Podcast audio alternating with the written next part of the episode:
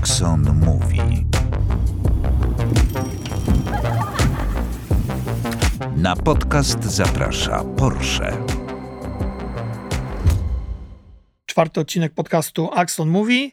Moim gościem i Państwa gościem jest Bartosz Kowalski. Witam Cię bardzo serdecznie. Cześć, witam, dzień dobry. Witam Cię w podcaście. Jesteś po najlepszej stronie, jakiej możesz być, bo jesteś tutaj od horrorów i o horrorach będziemy rozmawiać, co mnie bardzo cieszy, bo to mój ulubiony gatunek. Powiedz mi, z planu chyba wróciłeś niedawno, filmowego. Tak jest. Skończyliśmy zdjęcie do kolejnego horroru Mhm. dla Netflixa. Niewiele mogę o tym filmie powiedzieć, bo to jeszcze tutaj większość informacji jest owiane tajemnicą, ale jest to horror, pierwszy horror o tematyce religijnej w Polsce z Piotrkiem Żurawskim, Olafem Lubaszenko i Sebastianem Stankiewiczem w rolach głównych. No i premiera będzie w okolicy Halloween w tym roku. Ale co, wchodzicie bardziej w gatunek e, amerykański, czy Matka Joanna, Królowa Joanna od Aniołów, e, czy Kawalerowicz, czy te klimaty? Zdecydowanie bardziej amerykański. Tak, bardziej amerykańskie. Bo to jest w ogóle bardzo ciekawe, że ty dwoma swoimi horrorami w lesie dziś nie zaśnie nikt wszedłeś zupełnie w gatunek amerykański. Ten amerykański gatunek przeniosłeś na polski grunt. I teraz moje pytanie prowokujące, czy ty jesteś samobójcą, bo przenieść tutaj taki gatunek, no to chyba łatwo nie było. Wiesz co, no też y, ja w jakimś sensie całe życie czekałem, aż y, te horrory, mówiąc nieelegancko, komercyjne, czy horrory właśnie w, amerykańskie, w cudzysłowie, wejdą, wejdą do Polski. I zawsze, zawsze marzyłem sobie, że obok komedii romantycznych, których w roku wychodzi kilkanaście, żeby można było pójść raz w miesiącu, czy raz nawet na pół roku na prawdziwy polski horror do kina i to się nigdy Mm. nie wydarzyło, a to jest mój ukochany gatunek w zasadzie od dziecka. No i to zawsze gdzieś tam moje serce było najbliżej horrorów. Zresztą moje ulubione filmy to, to Martwe Zło 2 czy Halloween, Koszmar z Mhm. ulicy Wiązów i no i jakoś tak się potoczyło, że no ktoś chyba musiał zacząć to robić. Wiesz, bo ty jesteś prekursorem, bo jednak, dobra, mamy Marka Piestraka, tak? Mamy oczywiście Wilczycę, mamy te filmy, ale nigdy ten gatunek jakoś nie wszedł mocno. Znaczy, w ogóle mieliśmy problem z kinem gatunkowym, tak? W PRL-u. No nie mieliśmy tak naprawdę gatunkowego kina. Natomiast horror w ogóle był gdzieś tam odrzucony, więc wszedłeś na taki grunt, y, który był zupełnie czysty, tak? No niczego nie było. No bo jaki horror z lat 90. można wymienić? No dobra, Żuławski z szamanką gdzieś się ocierał o pewne takie klimaty, ale horroru no nie było. Jako takiego nie było. Znaczy, no też takich około horrorowych prób czy zrywów, no to przez ostatnie 50 czy 70 lat, no to było w zasadzie kilka, to na palcach jednej ręki można policzyć. No. I to się też jednak w większości przypadków po prostu nigdy nie sprawdziło i nigdy nie udało. Mhm. I też, y, no tak naprawdę dużo zmieniło pojawienie się Netflixa w Polsce, bo ja tak naprawdę od kiedy skończyłem studia i wróciłem do Polski, czyli to już 10-11 lat temu, od krótkich metraży przez swój debiut fabularny ja próbowałem zrobić kilka różnych e, slasherów, kilka różnych horrorów, no tylko nigdy nie mogłem trafić na żaden podmiot, że tak powiem, który byłby tym zainteresowany. No właśnie, dopiero tylko- z Netflixem się udało. Bo ty kończyłeś szkołę we Francji, to powiedzmy tutaj Mhm. naszym słuchaczom naszego podcastu. We Francji kończyłeś, tak? tak, tak, Szkołę tak. filmową. Tak. No i ta perspektywa francuska, jak wróciłeś tutaj na polski grunt, jak bardzo się przełożyła na tą twoją pracę? Zobaczyłeś, że u nas pewnych rzeczy nie da się robić, a we Francji by się dało? Czy, czy to jednak zupełnie zmieniło ci też perspektywę i nie myślisz po polsku o filmach polskich, które kręcisz? Trudno powiedzieć. Na pewno w momencie, kiedy skończyłem studia, no to wydawało mi się, że parę rzeczy potrafię i że jestem gotowy do tego, żeby faktycznie w to kino gatunkowe wchodzić. Natomiast no nie studiując w Polsce było mi ciężko, że tak powiem, w ogóle zacząć, bo jednak będąc na studiach wyrabiasz sobie jakieś kontakty, poznajesz grono profesorskie, które potem jest y, czy w Polskim Instytucie Sztuki Filmowej, no wyrabiasz sobie pewne znajomości, które potem mogą ci po prostu pomóc y, zadebiutować. Ja po studiach, jak przyjechałem, to nie znałem absolutnie nikogo i zacząłem od tego, że wysłałem chyba 140 maili wszędzie, gdzie tylko mogłem wysłać. No i początki były trudne i to przez długi czas pracowałem jako asystent reżysera, jako drugi reżyser. Potem wgryzłem się w kino dokumentalne, zrobiłem dwa filmy dokumentalne dla HBO które też były w zasadzie niesamowitym doświadczeniem, ale to wszystko było wciąż dosyć daleko od horroru. No i tak naprawdę dopiero po debiucie fabularnym, po placu zabaw, to kolejne 3-4 lata dalej podejmowałem jakieś próby w większości nieudane kina gatunkowego. Potem pojawiła się platforma Showmax, dla której zrobiliśmy krótki metraż właśnie w konwencji slashera I ten 10-minutowy film w pewnym sensie nam pomógł, bo pokazał paru osobom, że za naprawdę niewielkie pieniądze można zrobić coś, co jest, coś, co jest na poziomie, coś, co się ogląda. No i niedługo później faktycznie powstała pierwsza część w lesie. Ale ona nie była dla Netflixa jeszcze robiona. Ona ja nie pamiętam, była, tak, tak. ja pamiętam, bo ja ten film obejrzałem też wcześniej, zaprosiliście mnie na pokaz i później trafiła się pandemia. Znaczy, to, ja to oglądałem chyba tydzień przed wprowadzeniem lockdownu, czy dwa tygodnie, wy spadliście z kin i dopiero na Netflixie się gdzieś tam odrodziliście, tak? Ale jednak zrobiłeś film, który miał wejść do kin Tak. polskich, czyli to nie było tak, że weszła platforma streamingowa i Kowalskiemu dała szansę zrobienia horroru, tylko jednak wywalczyłeś sobie to, żeby ten horror zrobić. E, Ja nie pamiętam, miałeś dofinansowanie PISF-u do tego? Nie, No, nie, nie, nie. Czyli zupełnie niezależnie, ale jednak do kin miałeś wejść. My mieliśmy z PISF-u zachęty, Mhm. natomiast Netflix był w tej układance gdzieś tam od początku, ale premiera na Netflixie miała być tam ileś miesięcy później. Mhm. To był niskobudżetowy film, w większości z prywatnego finansowania, który miał wejść do kin. No i dokładnie tak jak mówisz, na, na kilka dni przed naszą premierą był lockdown i no i film... Lasy film, były zamknięte w pierwszym Lasy- lockdownie, więc wasz film spadł. Tak, Tak, tak. Więc, więc film spadł i trafił na Netflix, co w pewnym sensie no, okazało się dla nas ogromnym sukcesem, bo też ja oczywiście byłem strasznie ciekaw, jak ten film sobie poradzi w kinach, Mhm. bo nikt tego nigdy nie zrobił i my. No to było w pewnym sensie, chcieliśmy przetrzeć ten szlak i zobaczyć, jak taki komercyjny slasher, jaką widownię on może w kinach zrobić. Nie dowiedzieliśmy się i już nigdy się nie dowiemy. Summa summarum skończyło się to wszystko happy endem, no bo ta oglądalność na Netflixie na całym świecie była, była duża i zrobiliśmy sequel, no i też dzięki temu gdzieś ta współpraca z Netflixem trwa do dziś. Mhm. I to jest ciekawe, bo ty się też wychowałeś, jesteś dzieciakiem 90sów, jak ja to nazywam, tak? Czyli też się wychowałeś na kasetach VHS, też się wychowałeś na tych samych horrorach e, mistrzów, no Cravena, Johna Carpentera, tak? Czy u ciebie maniakalny gliniarz, którego, którego jak wiem lubisz bardzo. Ale ja mam takie wrażenie, wiesz, że ja już jestem ciekaw, co widownia na to, tak? Ale ja mam takie wrażenie, że krytycy, sam jestem krytykiem filmowym, ale ja wiem, jak to jest napuszone też środowisko i towarzystwo. Natomiast wiesz, oni chyba nie zrozumieli konwencji pewnej. I to mnie strasznie dziwiło, że jak czytałem jakieś krytyczne recenzje twojego filmu, to one nie dotyczyły, wiesz, e, kontekstu slashera, tylko często krytyka pojawiła się bo coś tam w tym filmie jest w taki, a nie inny sposób zrobione, tak jakby nie rozumieli tego gatunku. Znaczy myślisz, że w Polsce jest w ogóle problem ogólny ze zrozumieniem gatunku, jakim jest slasher? Wiesz, no w Polsce ten gatunek nigdy nie istniał, więc y, może być jakiś problem ze zrozumieniem tego, co jest, co powinno być potraktowane pół żartem, pół serio, a co nie. Natomiast wiesz, horror jako taki zawsze był, był gatunkiem niższym, sztuką niższą. Trochę od głupków dla głupków. Nigdy nie był traktowany w 100% poważnie od samego początku. To zawsze były trochę filmy klasy B, poza paroma wyjątkami, jak Egzorcysta, który się przecież otarł o Oscary i czy teraz ta nowa fala Hereditary, no to, y, to jest w pewnym sensie jakiś taki renesans horrorowy. Natomiast to zawsze były filmy traktowane troszeczkę jako sztuka niższa, natomiast one zawsze sobie koegzystowały ze wszystkimi innymi gatunkami i jakby nigdy nikomu to nie przeszkadzało, że jest kolejny horror, kolejny slasher, czy teksańska masakra piłą mechaniczną, kolejna część, czy, Mm. czy dwunasta część piątku trzynastego. Natomiast u nas, jako że to nigdy nie istniało, no to Wydaje mi się, że, że ja też czytając niektóre recenzje trochę dziwiłem się, jak daleko może iść interpretacja Mhm. filmu, który z założenia ma być po prostu dosyć specyficzną, ale jednak formą po prostu rozrywki. Że tu nie trzeba się doszukiwać podwójnego, potrójnego i poczwórnego dna, że las jest metaforą tego, eksplozja jest metaforą czego innego. Bracia bliźniacy, wiadomo kogo. I, i, I tak dalej, i mhm. tak dalej, że te, te interpretacje szły bardzo daleko, ale też y, nawiązując do tego, co powiedziałeś, jakby też wydaje mi się, że też przede wszystkim śledząc te recenzje, opinie, czy przy Wlesie 1, czy przy Wlesie 2, one są bardzo podzielone i dopóki jest to podzielone pół na pół, że w jednym magazynie mamy druzgocącą recenzję, a w drugim bliźniaczo podobnym recenzja jest świetna, to dla mnie jest ok, bo dopóki jeszcze są ludzie, którzy jednak to wyłapują i rozumieją konwencję i odczytują to w taki sposób, w jaki ja bym sobie życzył, żeby odczytywali, no to dla mnie jest okej. Mhm.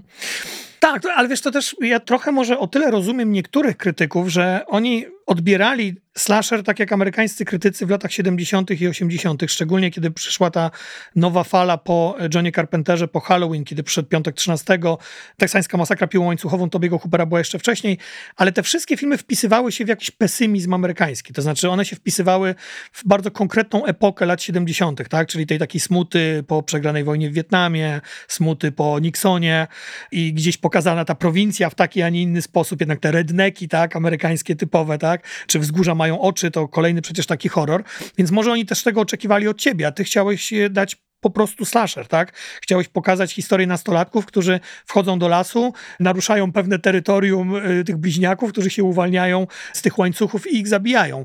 Więc może też to oczekiwanie było takie, no bo po prostu slasher był jakąś... O, albo George Romero, zobacz, przecież 68 rok, y, Noc Żywych Trupów, no film odbierany jako obraz rasizmu w Stanach Zjednoczonych od samego początku. Więc może tego też oczekiwano od ciebie, że ty jako prekursor powiesz nam coś więcej w tym slasherze o Polsce. Tak, znaczy no oczywiście były takie głosy, głosy, że właśnie no, że w dzisiejszych czasach no to ten horror już jest gdzie indziej, że mamy już właśnie czy dziedzictwo, czy filmy Ari Astera i że ten horror przeżywa renesans i to są już filmy dużo głębsze artystycznie, a no a my absolutnie nie. Założenie mieliśmy takie, żeby to był nie lubię tego słowa, ale po prostu fajnym slasherem, przy którym można zjeść popcorn, wypić kole i przez półtorej godziny się dobrze bawić, nie zmużdżając się specjalnie nad tym i nie udając też, yy, że jest to kino trudne, artystyczne czy festiwalowe, bo nie jest. Mm. Zaraz przejdę do drugiej części, bo tak jak mówisz o tej nowej fali też horroru, to no, powstało coś takiego też jak horror twórców czarnoskórych teraz. Jak spojrzysz na Jordana Pila, który dostał Oscara za Ucieka i jednak Oscara za najlepszy scenariusz, za, scenariusz, za no. horror. Ja miałem okazję, też miałem przyjemność robić wywiad e, z Nią Da Costą, z reżyserką nowego Candymana. Candymana, który wszedł w czasie protestów Black Lives Matter. I ona też nie, nie ukrywała, że oczywiście, że nowy Candyman wpisuje się w tą rewolucję czarnoskórych, która miała miejsce. To jeszcze, on miał wtedy premierę, on też był przez lockdown, przez pandemię mhm. przesunięty, ale on y, w, początkowo miał mieć premierę jeszcze przy końcówce prezydentury Donalda Trumpa. Więc ten horror cały czas jest taki naładowany tą ideologią. I dlaczego ja byłem bardzo pozytywnie, może nie tyle zaskoczony, ale zrobiłem wielkie wow, jak obejrzałem drugą część lasu. W lesie dziś nie zaśnie nikt, dwójkę, bo ty nie tylko nie wszedłeś w tą ideologię, co dzisiaj jest bardzo modne, ale ty zrobiłeś coś, co robią najlepsi twórcy slasherów amerykańskiego, poszedłeś w ogóle w drugą stronę w dwójce. Zrobiłeś to, co Tobi Hooper w teksańskiej masakrze w dwójce, kiedy tam, kiedy też y, zupełnie poszedł w inną stronę. I to było coś też rewolucyjnego. Postanowiłeś nie eksploatować bliźniaków, tylko wejść w zupełnie, te, stworzyć własne uniwersum. Dokładnie. Były dwie drogi na sequel, e, które gdzieś tam rozważałem. I pierwsza to była faktycznie, żeby zrobić w pewnym sensie powtórkę z rozrywki i dać naszych bliźniaków, którzy mordują inną grupę ludzi w innym miejscu i jest po prostu więcej śmierci, jest krwawie krwawiej, bardziej brutalnie, i, ale de facto jest to po prostu odgrzewanie tego samego. No versus drugi wariant, dużo bardziej ryzykowny, który po prostu w połowie filmu ma woltę fabularną. W tym podgatunku generalnie nie było takiej zwrotki, żeby w połowie filmu główny bohater stał się tym złem i żebyśmy zmienili punkt widzenia i zaczęli obserwować wydarzenia z punktu widzenia mordercy i też zmieniła się konwencja w zasadzie o 180 stopni, bo tak jak dotychczasowo to traktowaliśmy pół żartem, pół serio, tak w połowie filmu no to przyjmuje już konwencję taką dużo bardziej parodystyczną i komediową. No i to jakby ja jestem bardzo dumny z tego twistu, bo czegoś takiego nie było, ale faktycznie no wielu osobom to kompletnie nie przypadło do gustu. Tak, no. bo to było szokujące, bo tak z jednej strony oczywiście mamy najsłynniejszy twist w historii horrorów i film, który w ogóle przez niektórych jest uważany za pierwszy slasher, czyli Psychoza Alfreda Hitchcocka, no bo widzimy pierwszy raz z punktu widzenia mordercy z nożem, jak kogoś zabija i filmoznawcy niektórzy uważają, że to jest pierwszy slasher. I tam mieliśmy ten turning point, tak? Tam mieliśmy ten twist, kiedy główna bohaterka w połowie filmu ginie ginie nagle. Tak Ale jest. ty poszedłeś jednak w stronę właśnie sama Raimiego i Martwego Zła i to dwójki, tak? Czyli nagle wchodzimy w pastisz, nagle wchodzimy w komedię i nagle zupełnie bawimy się, bawimy się gatunkiem, ale jednocześnie też zrobiliście coś niesamowitego, stworzyliście własny język e, na potrzeby tej drugiej części i o tym mi trochę opowiedz, o tym języku, który został stworzony. No, oczywiście zastanawialiśmy się, jak już przyjmiemy punkt widzenia y, potworów, to jednak te potwory przez pół filmu one powinny się ze sobą komunikować. I czy powinny się komunikować po polsku, czy jednak powinny się komunikować w jakimś swoim własnym języku. No i tutaj y, z Ryszardem Derdzińskim podjęliśmy współpracę i on faktycznie od podstaw stworzył cały język. No i założenie było takie, że faktycznie to było od samego początku dosyć ryzykowne. Ja się też zastanawiałem.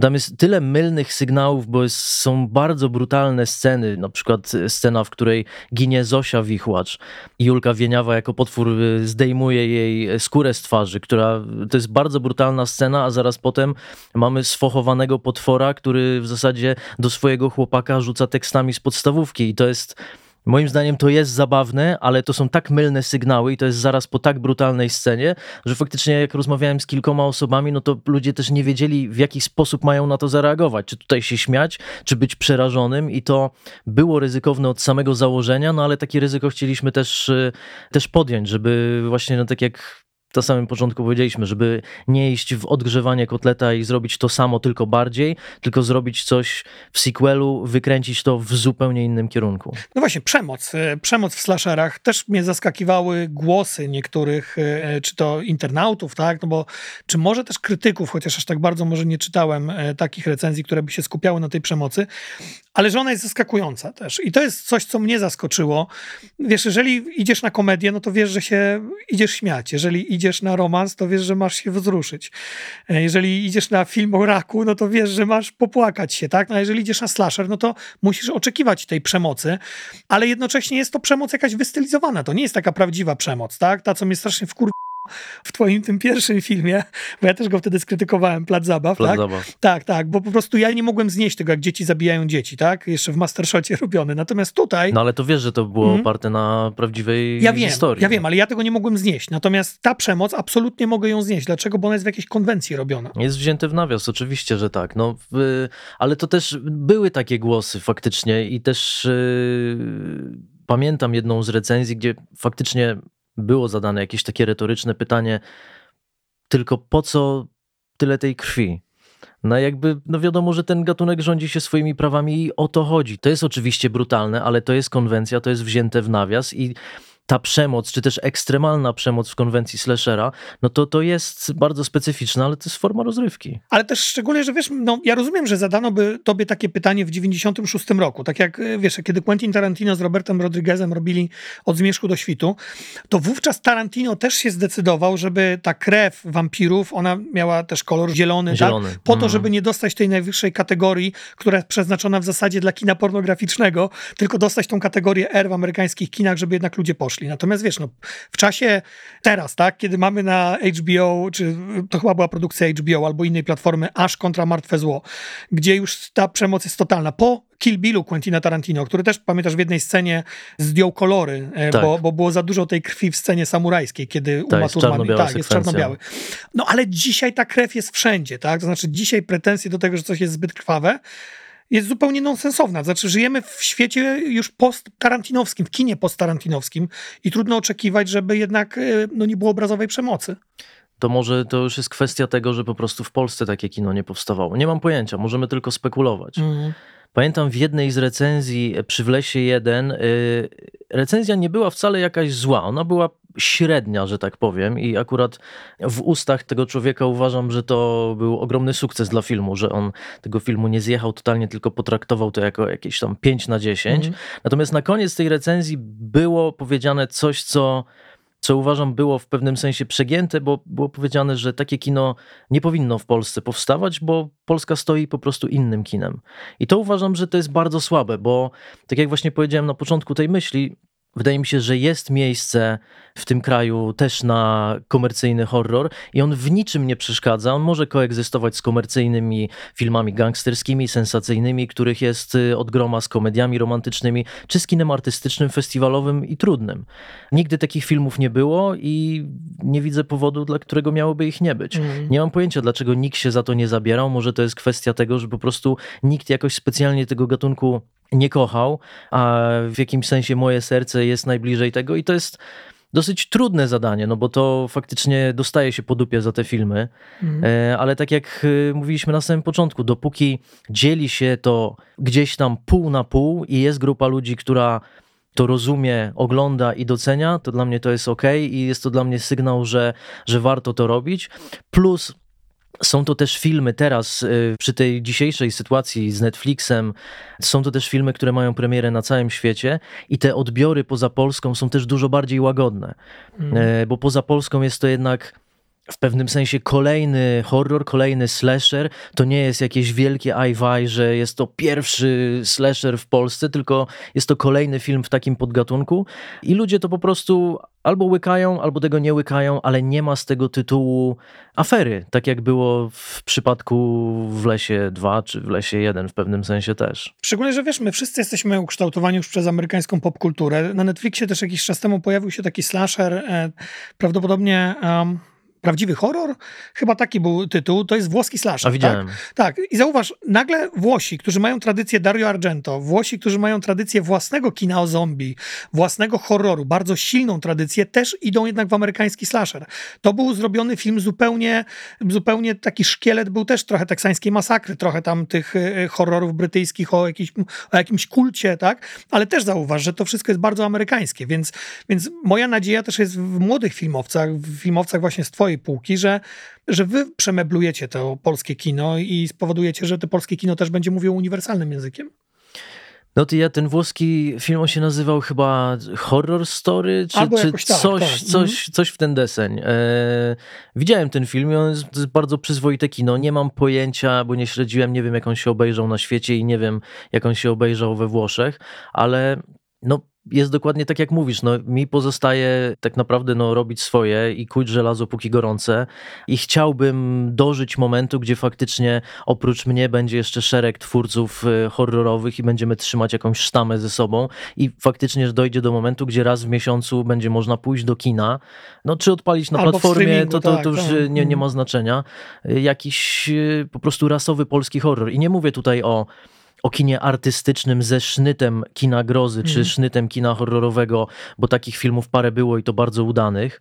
Tylko mówię o takim klasycznym horrorze, który nie udaje tego, czym nie jest. Mhm. Ale widzisz w takim razie nadzieję platformach streamingowych? Może to jest takie niepopularne, co ja powiem, ale bo oczywiście wszyscy chcemy, żeby ludzie chodzili do kin, tak? Oczywiście pragniemy tego, ale chyba jest pozamiatane. To znaczy, wiesz, ostatnio oczywiście wyniki box office'u pokazują, co zrobił Top Gun, co zrobiły inne takie filmy, ale tak naprawdę jak spojrzysz na polskie kina i zobaczysz na górze Top Gun i następny film w kolejce, no to jest jakaś przepaść e, ogromna finansowa. Okazuje się, Mhm. że chcemy chodzić na Marvela, chcemy chodzić na DC, chcemy chodzić na Top Guny, ale już nie chcemy chodzić na coś innego. Ale może to jest jakieś wybawienie dla was, że macie platformy streamingowe, które dają wam bardziej wolną rękę. Wiesz, ja kolejne produkcje widzę Netflixa polskie, które są zupełnie zaskakujące. Tak? W czerwcu na Netflixie wszedł miniserial Królowa, tak? gdzie, gdzie Andrzej Seweryn gra drag queen. No kolejna produkcja taka lightowa, która pewnie w polskich kinach by gdzieś przepadła albo nikt by na nią pieniędzy nie dał. No też to trudno spekulować. Faktycznie no, wydaje się, jakby te kina się odradzały, no szczególnie tutaj po sukcesach e, Mavericka, ale yy, znaczy wiesz, te platformy streamingowe w pewnym sensie no, dla twórców, czy dla mnie osobiście, no to no, oczywiście spadły z nieba w pewnym sensie, bo wydaje mi się, że ja nie mógłbym robić takiego kina z Polskim Instytutem Sztuki Filmowej, czy z jakimiś innymi podmiotami, bo byłby za duży strach, żeby wchodzić finansowo w coś, co jest kompletnie niesprawdzone. Nie wiadomo, znaczy z założenia wiadomo, do kogo się targetuje slasher, wiadomo, że to jest dla młodego widza i tak dalej, i tak dalej, ale na gruncie producenckim wydaje mi się, że to jest czy to był na tyle niezbadany grunt, że to by było zbyt duże ryzyko finansowe, żeby czy jakaś telewizja w to wchodziła, czy no, Instytut też w ogóle dofinansowuje zupełnie inne kino, więc to jest jeszcze inny temat. Natomiast z czwartej strony, no to wiesz, jak robisz film i spędzasz nad filmem rok życia i dłubiesz każdy niuans y, w dźwięku, w korekcji barwnej, oczywiście, że chcesz, żeby ten film ludzie oglądali na dużym ekranie, żeby Mhm. oglądali go w skupieniu, w ciemnej sali. Bez robienia pauzy. E, Bez robienia pauzy, bez oglądania na telefonie, bez dźwięku. Tylko w ciemnej sali, w towarzystwie ludzi z 30 głośnikami naokoło głowy, bo wtedy zupełnie, zupełnie inny jest odbiór filmu i wydaje mi się, że każdy twórca by sobie tego życzył, no ale czasy są inne i tak jak mówisz, no te box office'y rozwalają filmy typu Marvel czy DC, czy gigantyczne blockbustery, a większość filmów no to ledwo sobie radzi. A platformy umożliwiają to faktycznie po pierwsze pewnego rodzaju wolność artystyczną i to, że w ogóle można takie kino robić.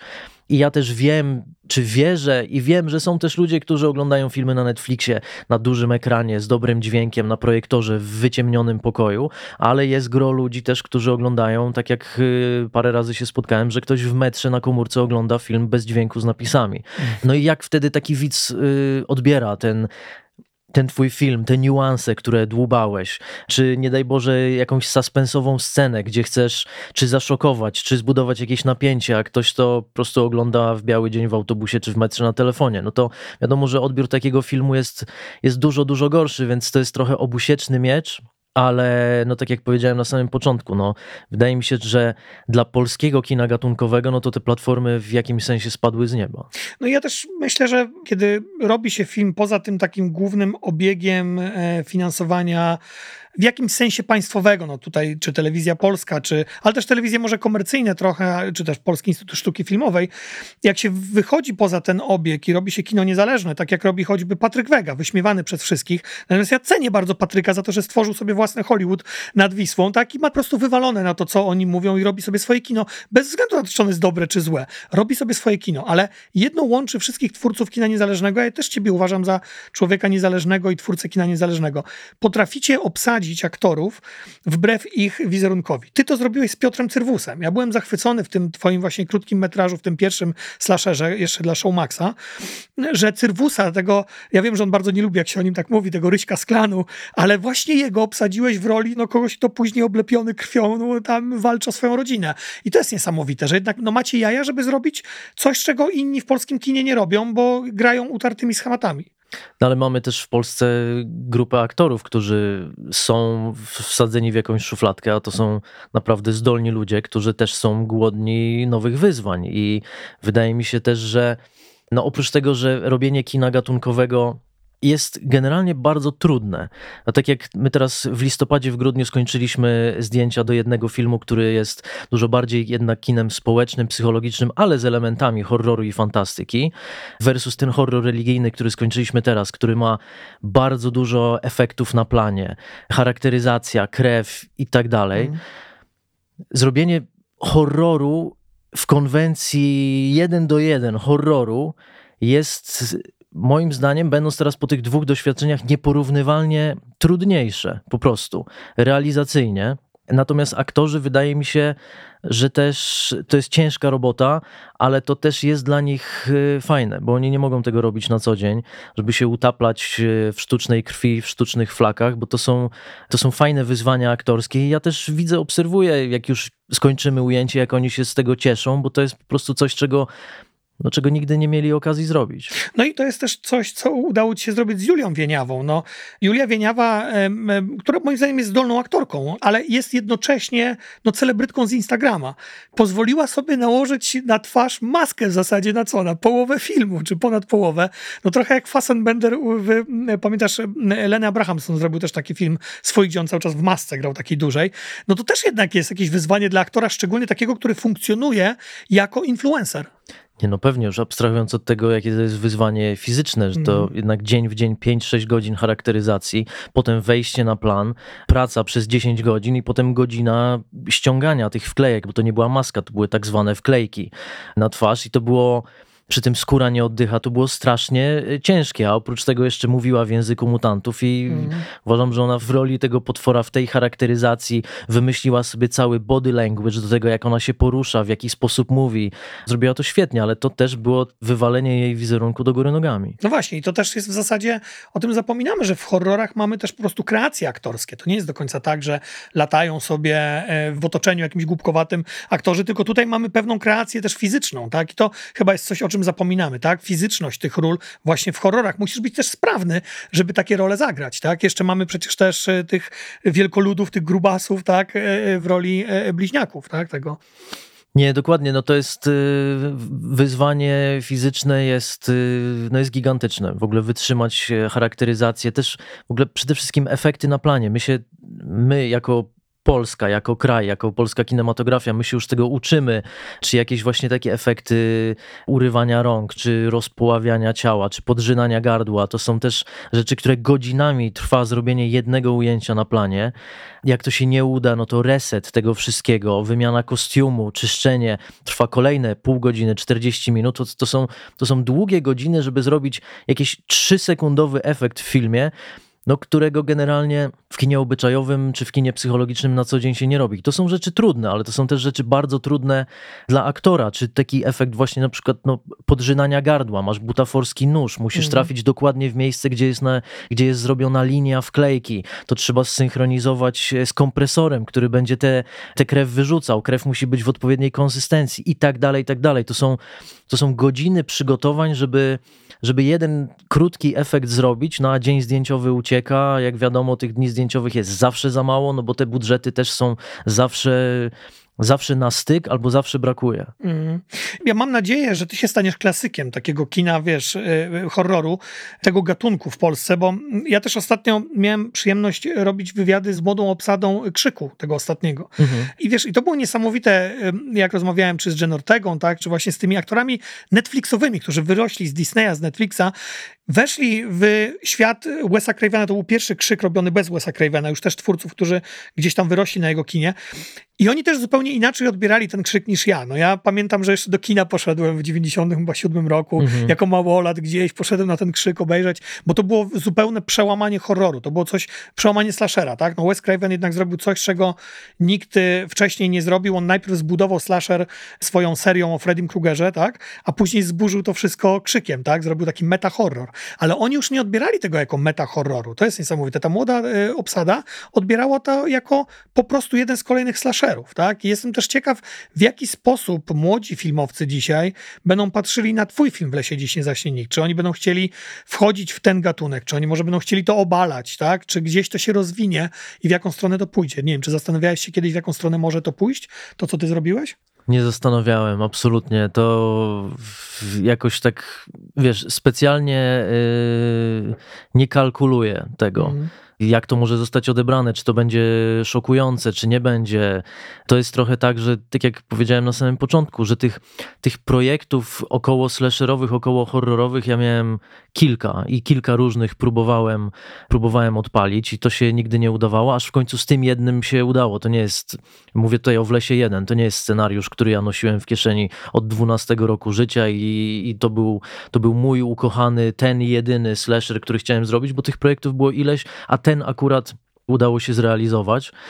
Natomiast, no nie, bardziej to nie chodzi raczej o kalkulację, tylko to jest bardziej tak, jaki ja bym chciał film w Polsce zobaczyć, czego mi brakuje, czego ja jako widz, jako gigantyczny fan e, horrorów kina gatunkowego, na co ja bym chciał polskiego, na jaki polski film ja bym chciał pójść do kina, czego mi najbardziej brakuje. No i tutaj pierwszą taką myślą był właśnie slasher z przymrużeniem oka, że jednak Mhm. krew się leje, jest troszeczkę groteskowo, ale trochę strasznie i trochę krwawo i coś takiego chciałem, a przy drugiej części w lesie, no to tak jak już rozmawialiśmy, tam chciałem dużej jakiejś wolty fabularnej i wykręcenie sequela w coś zupełnie innego, bo obserwując sequele, czy teraz właśnie też produkcje Netflixa, czy Happy Death Day e, i tak dalej, no to te sequele są zrobione trochę na tą samą modłę, no a my postanowiliśmy to wykręcić w zupełnie innym kierunku. No tak, już trafiacie do miasta. Będzie trzecia część w lesie? Y, Planujesz trzecią część w lesie?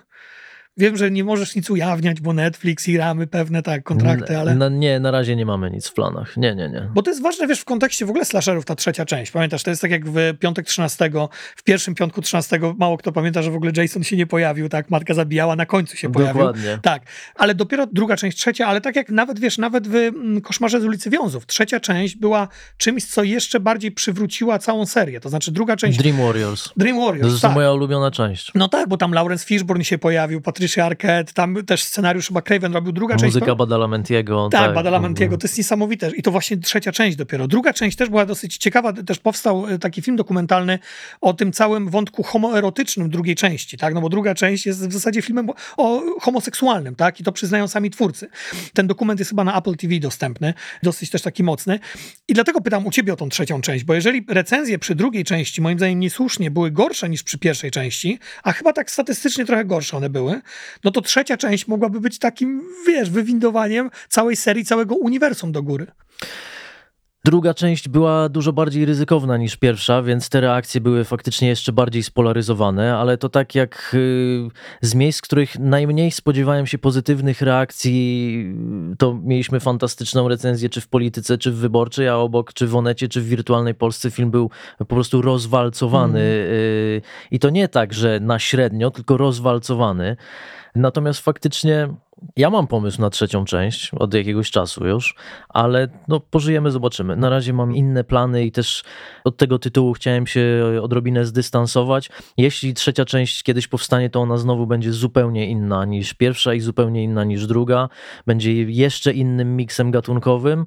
A czy to się kiedyś wydarzy? Mam nadzieję, że tak, ale zobaczymy. Na pewno nie w najbliższej przyszłości. Ale to jest świetne, wiesz, co mówisz, bo moim zdaniem klątwa drugiej części polega na tym, że po sukcesie pierwszej, to znaczy jeżeli mówimy właśnie o Halloween, jeżeli mówimy o Piątku 13, jeżeli mówimy o Koszmarze z ulicy Wiązów, było to, że twórcy musieli sprostać e, sukcesowi pierwszej części i musieli go jakoś przebić, a ty postanowiłeś pójść w zupełnie innym kierunku i to moim zdaniem e, jest coś, co powoduje, że ty wygrałeś tą drugą częścią, tak? Że nie zrobiłeś tego, co wielu amerykańskich twórców, e, nawet Toby Hooper w drugiej teksańskiej masakrze. My lubimy drugą teksańską masakrę, tak? Też, ale, ale myślę, że no ona się nie równa z pierwszą. To znaczy, to trudno nawet porównać te dwa filmy. Pierwsza jest arcydziełem, druga już nie. A ty tego błędu nie popełniłeś.